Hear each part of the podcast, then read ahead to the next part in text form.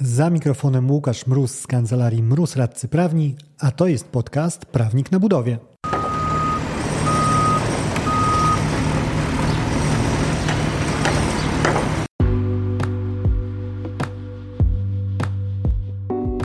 Z tej strony mikrofonu radca prawny Łukasz Mróz, a to jest podcast Prawnik na Budowie, w którym mówimy o wszystkim, co związane z kontraktami budowlanymi.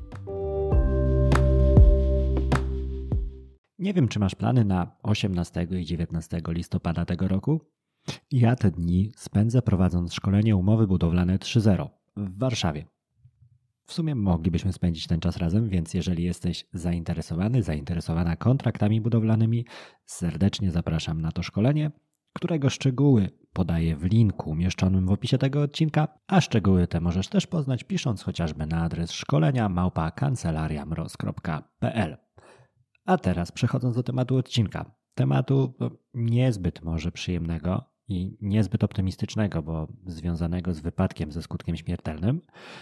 Wypadkiem, któremu uległ motocyklista na drodze, która miała być przedmiotem robót budowlanych.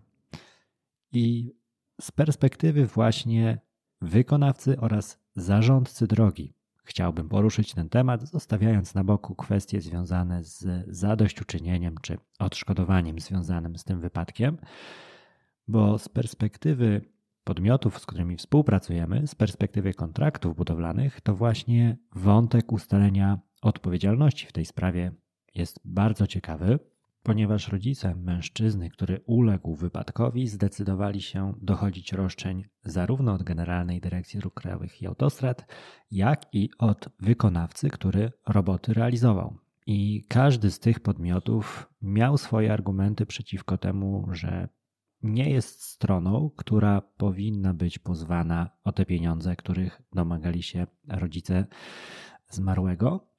Wykonawca wskazywał między innymi to, że on wprawdzie formalnie przyjął teren budowy, przyjął ten odcinek do prowadzenia robót, ale w ogóle nie zaczął tam jeszcze prac, więc nie był to plac budowy, nie był, nie był to teren budowy, za który odpowiadać może. Generalna dyrekcja natomiast wskazywała, że ona z kolei przekazała już ten odcinek wykonawcy, więc to on jest podmiotem, który powinien wziąć na siebie barki bezpieczeństwo na tymże odcinku oraz skutki niezachowania tego bezpieczeństwa. W tym kontekście w wyroku przewijał się artykuł 652 kodeksu cywilnego, przepis ważny zarówno dla wykonawców, jak i dla inwestorów. Reguluje on zasady postępowania w przypadku wystąpienia szkód na terenie budowy.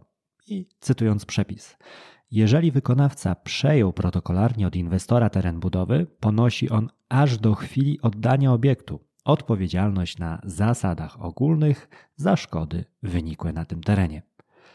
I właśnie w tym kierunku e, zmierzała Generalna Dyrekcja, wskazując, że no to, to jest ten podmiot, który powinien być na pierwszym planie, który powinien pokrywać szkody powstałe na, na tym odcinku drogi, który miał być naprawiany.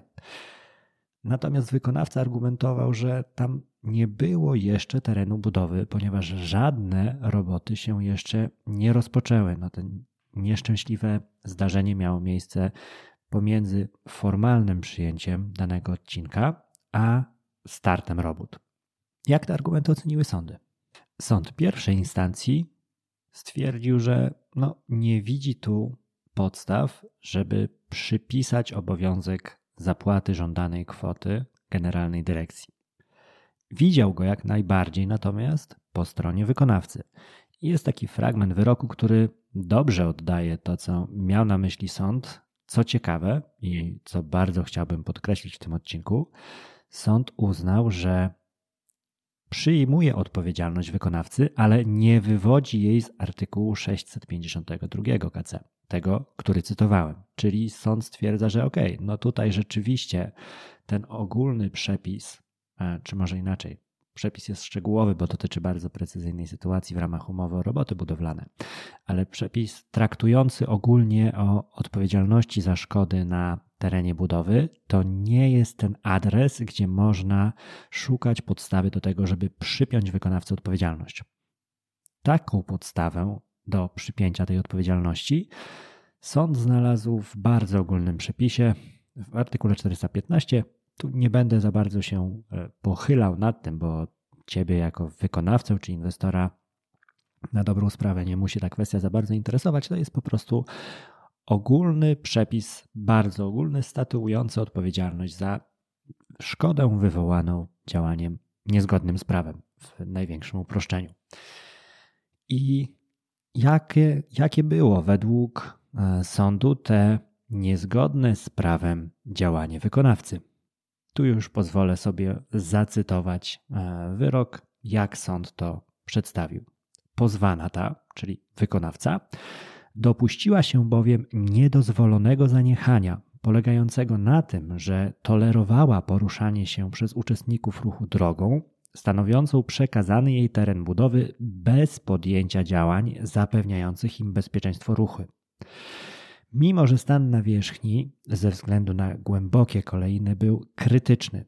Tutaj dodam, że właśnie te kolejny były bezpośrednią przyczyną wypadku, ponieważ motocyklista, który uległ wypadkowi zmieniając e, pas ruchu, stracił panowanie nad pojazdem właśnie w wyniku wjechania w tą kolejną.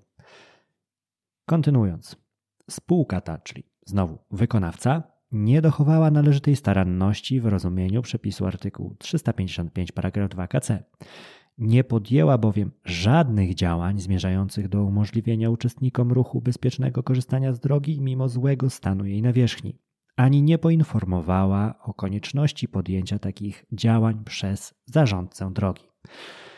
Czyli możemy tu wyczytać trzy istotne rzeczy dla wykonawcy. Po pierwsze, jeżeli już przyjąłeś ten teren budowy, no to niestety bierzesz na swoje barki też związaną z tym dobrodziejstwo inwentarza. Po drugie, jaki jest standard Twojej działalności? No, ten standard powinien być taki, że powinieneś podjąć działania zmierzające do umożliwienia uczestnikom ruchu drogowego bezpiecznego korzystania z drogi. I po trzecie, powinieneś też zaraportować w ogóle swojemu zamawiającemu, zarządcy drogi, że stan tej nawierzchni jest tak krytyczny, że wymagane są tutaj działania związane z całkowitym wyłączeniem jej z ruchu. Sprawa trafiła następnie do sądu apelacyjnego, którego wyrok był jeszcze ciekawszy dla Ciebie jako odbiorcy podcastu, ponieważ dotyczył uwag istotnych zarówno dla wykonawcy, jak i dla zarządcy drogi.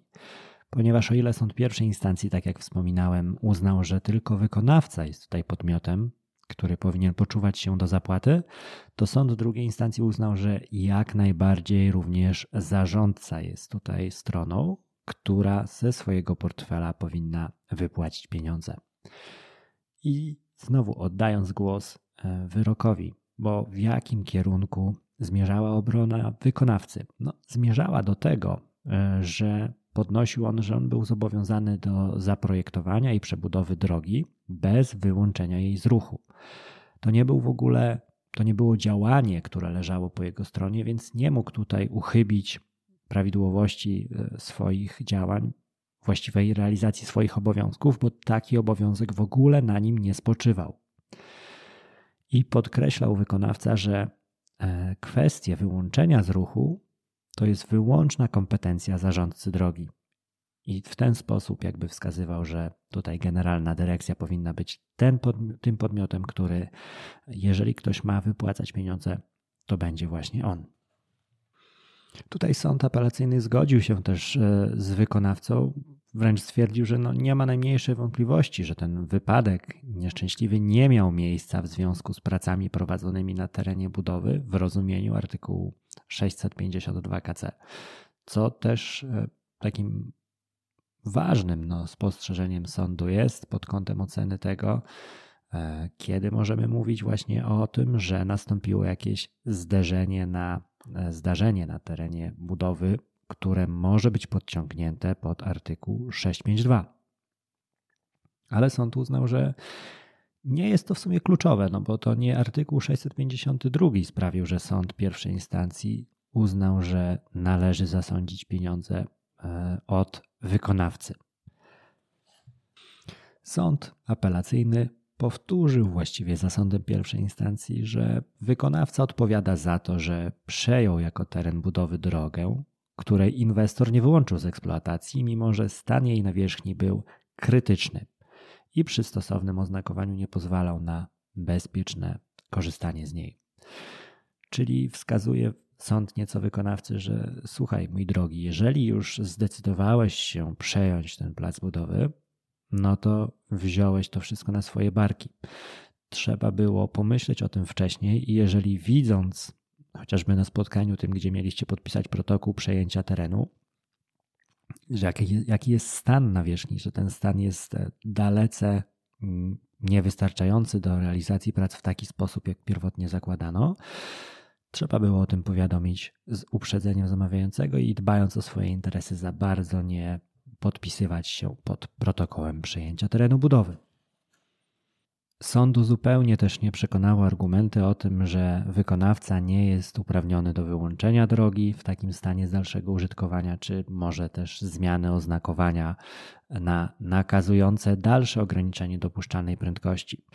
Tutaj no, wpisuje wyższy standard staranności na barki wykonawcy. Sąd wskazuje tak domniemanie niejako tu wskazując, że trzeba by po prostu zadbać było o to, żeby podmiot, który jest do tego uprawniony, czyli zarządca, dopełnił takich czynności. Jeżeli nie zadbaliście, drogi wykonawco, no to to było właśnie wasze uchybienie. I znowu, dobrze podsumowujący e, fragment uzasadnienia wyroku, w którym sąd wskazuje, no, jak on właściwie widzi, sąd apelacyjny rzecz jasna, przypisanie odpowiedzialności wykonawcy.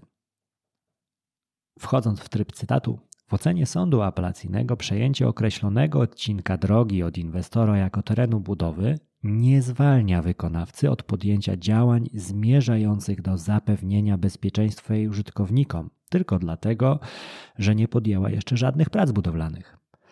Sytuację taką można porównać do przejęcia nieodpowiednio zabezpieczonego terenu budowy, na którym utopiła się w basenie przeciwpożarowym osoba postronna w czasie, kiedy nie podjęto jeszcze prac budowlanych. Dlatego Sąd Okręgowy trafnie uznał, że odpowiedzialność skarżącej, czyli wykonawcy, za szkodę, jaka zaistniała na terenie budowy, nie znajduje oparcia w przepisie artykułu 652 KC, lecz w ogólnych zasadach odpowiedzialności za czyny niedozwolone osób, które swym zachowaniem lub zaniechaniem doprowadziły do wypadku.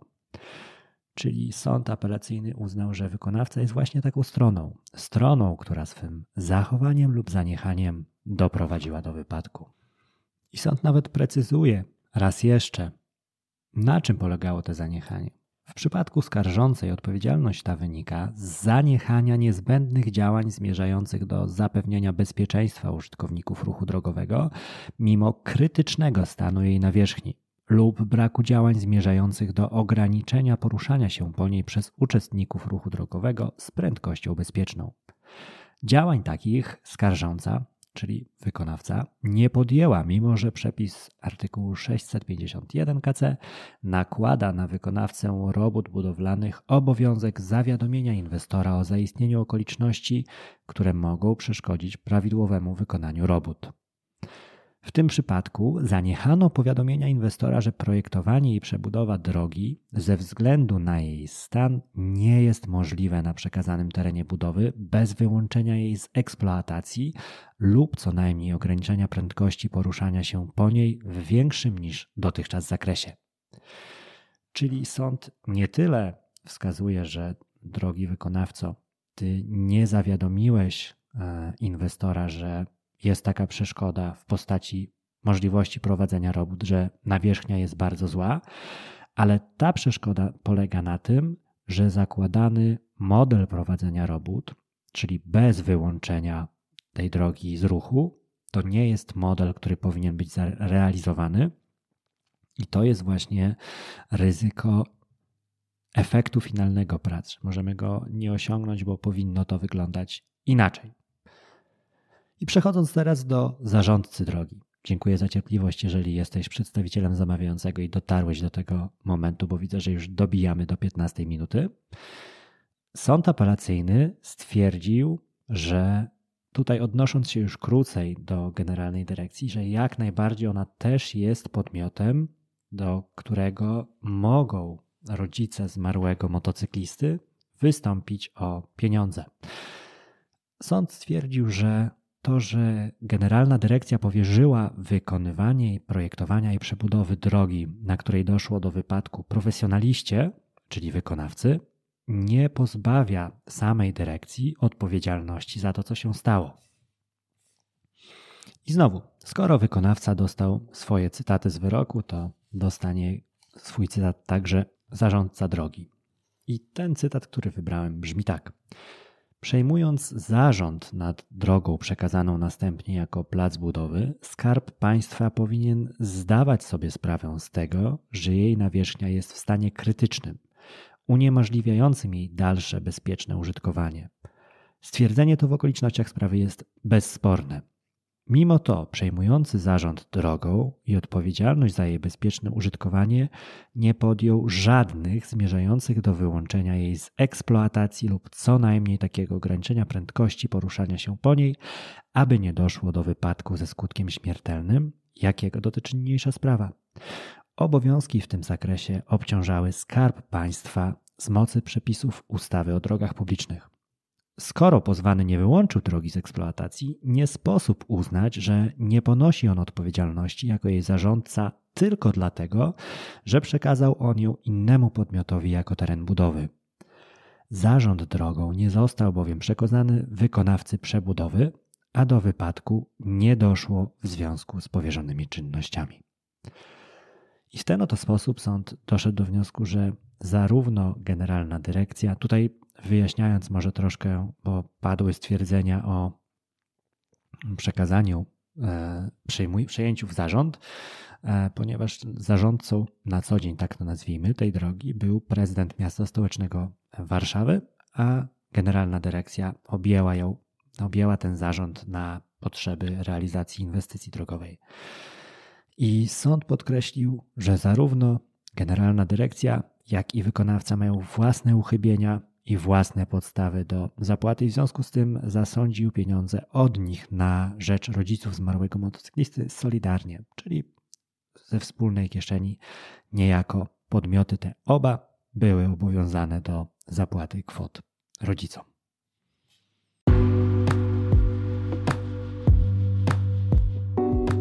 Dzięki za odsłuchanie tego odcinka. Zasubskrybuj podcast, żeby nie umknęło Ci żadne kolejne nagranie. Znajdziesz go w Spotify, Google Podcasts czy Apple Podcasts. Jeżeli natomiast chciałbyś się skontaktować ze mną, napisz na biuromałpa kancelariamroz.pl.